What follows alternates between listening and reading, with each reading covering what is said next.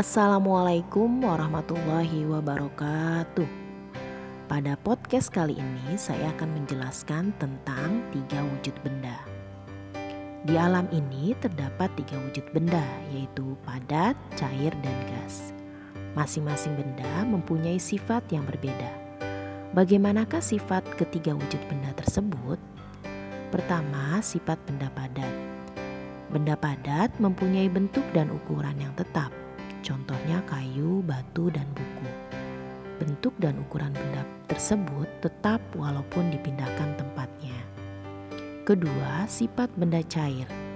Benda cair memiliki ukuran yang tetap, namun bentuknya berubah-ubah sesuai dengan wadah yang ditempatinya. Contohnya air.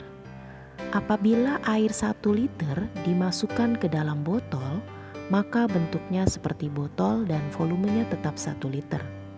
Jika air tersebut dipindahkan ke dalam kaleng, maka volumenya tetap satu liter dan bentuknya seperti kaleng.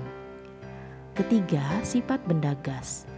Benda gas mempunyai bentuk dan ukuran yang berubah-ubah. Contohnya, udara di dalam balon bentuknya seperti balon, dan menempati seluruh ruangan balon. Nah, itu tadi podcast mengenai tiga wujud benda.